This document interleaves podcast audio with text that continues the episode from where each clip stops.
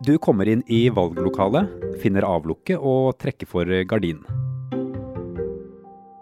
Du velger deg lappen med ditt parti, krysser av og kanskje gjør du noen endringer også, før du bretter sammen arket og leverer stemmen din.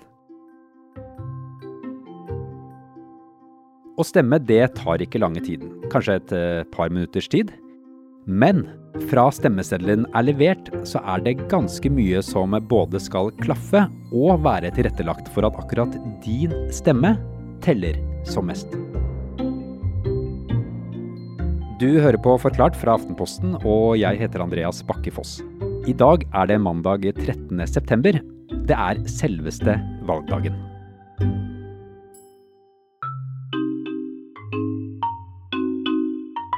Lars Molteberg Lomnes, du er sjefen i vår eh, politiske podkast og prisvinnende podkast Aftenpodden.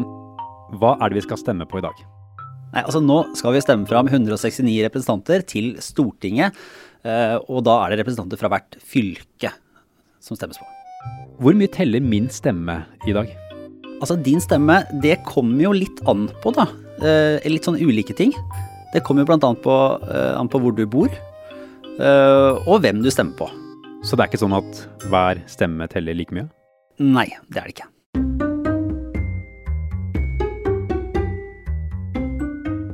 Hvorfor ikke? Vi lever i et langstrakt land, som man sier, og folk bor i mange ulike deler. Så da har man forsøkt å gi en rettferdig fordeling da, av makt og representasjon til hele landet. Men det er noen skjevheter her. La oss ta et eh, eksempel da, for å forstå dette her. For det er stor forskjell på hvor mye stemmen din teller, ut fra hvor du bor.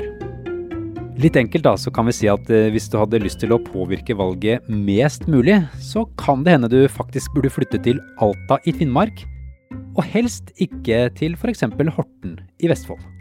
Systemet er innretta sånn at eh, store områder med få folk får eh, forholdsmessig større representasjon enn små områder med mange mennesker. Så i 2017 f.eks. så var en stemme i Alta da, i Finnmark var verdt eh, omtrent dobbelt så mye som en stemme i Horten. Hva er, hva er konsekvensen av at vi har et system som det her, Lars?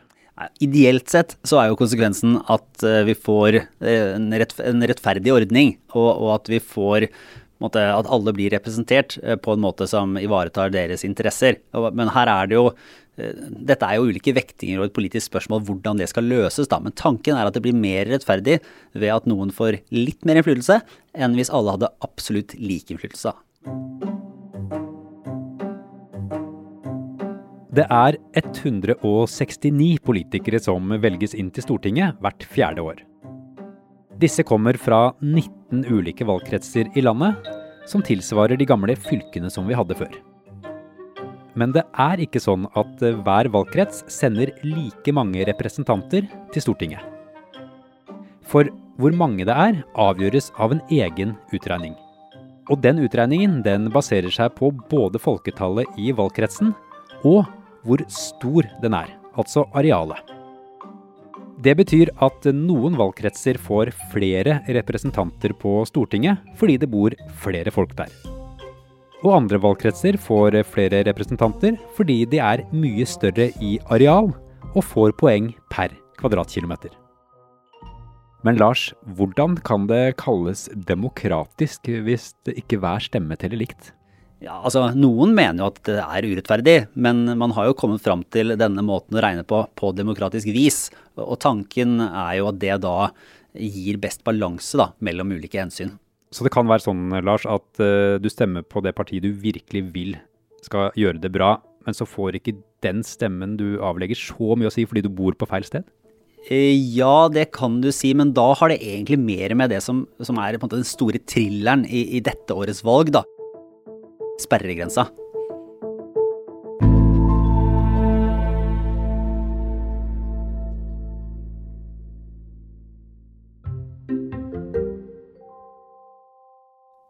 Det er én ting at eh, stemmen til en i Horten virker annerledes enn stemmen til en i Alta. Men for virkelig å forstå hvordan stemmen din har innvirkning på demokratiet, så er det to viktige ord som vi må få med oss. Og som du kommer til å høre mye om i kveld og i morgen tidlig. Det første ordet er utjevningsmandat. Så hvis vi starter på, på toppen, så er det altså det er 169 eh, stortingsrepresentanter som velges inn til Stortinget. Eh, og 150 av dem kommer eh, valgt inn direkte fra en valgkrets. Eh, men så er det da 19 såkalte utjevningsmandater eh, som brukes for å altså for å jevne ut litt i det systemet. Eh, for det kan sies å være urettferdig at noen partier får veldig mange stemmer i et uh, fylke, som ikke er nok da, til å få et av de vanlige mandatene, eller altså representantene, inn.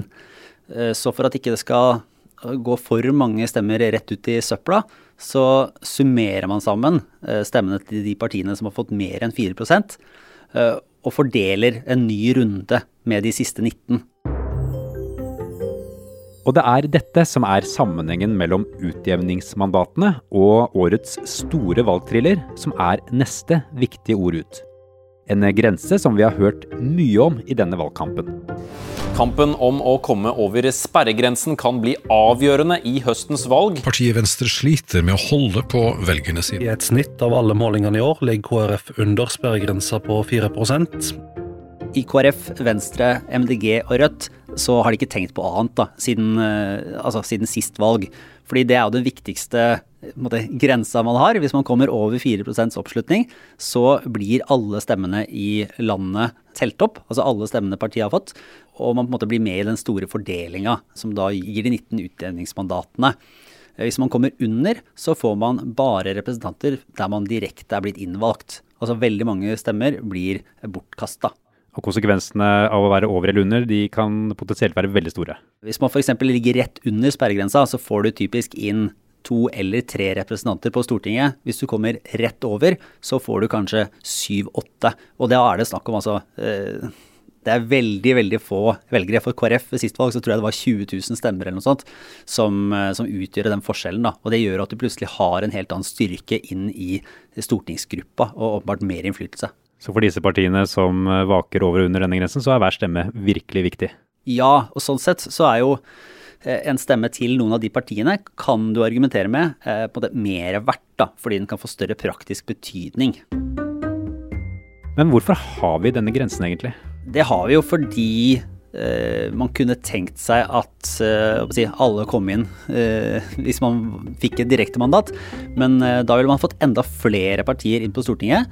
Eh, noen mener det er positivt, andre mener at det gjør det vanskeligere å finne et styringsdyktig flertall. Så man har funnet en balanse som, som skal ivareta det, men, men, man trenger ikke å gå lenger til Danmark for å finne en lavere sperregrense.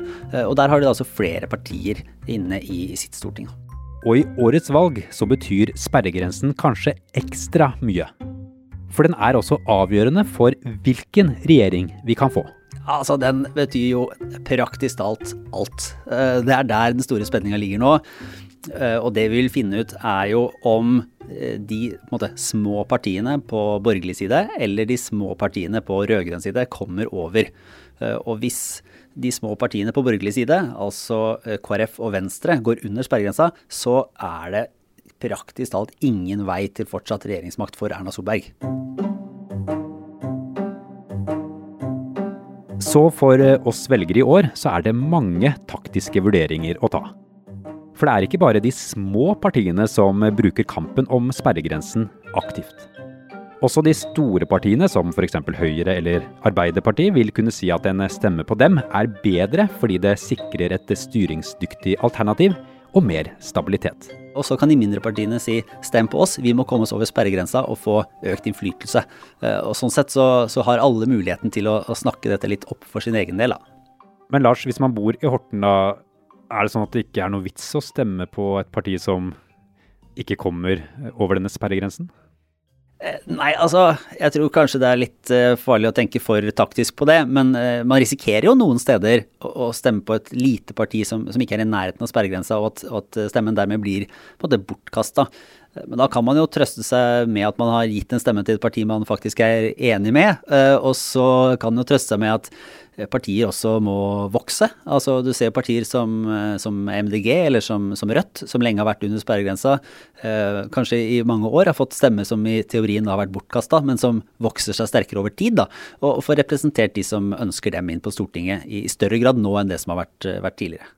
Det er jo veldig mange, eh, så mange som 10 eh, av velgerne som eh, ikke bestemmer seg for hva de skal stemme på før på selve valgdagen, som i dag. Hva vil du si er lurt å tenke på når du går til valglokalet og skal velge et parti å stemme på? Her må jo hver enkelt finne ut hvem de skal stemme på, men jeg tror kanskje at det er såpass mange variabler i noe av det vi har snakka om nå. Uh, altså, hvis man begynner å tenke veldig veldig taktisk, så er man i fare for å gå seg bort. Så ofte så vil jo det enkleste være å stemme på det partiet man er mest enig i. Uh, og så får vi vel tillate oss å si at det viktigste er at alle benytter seg av stemmeretten sin og deltar i demokratiet og stortingsvalget vårt.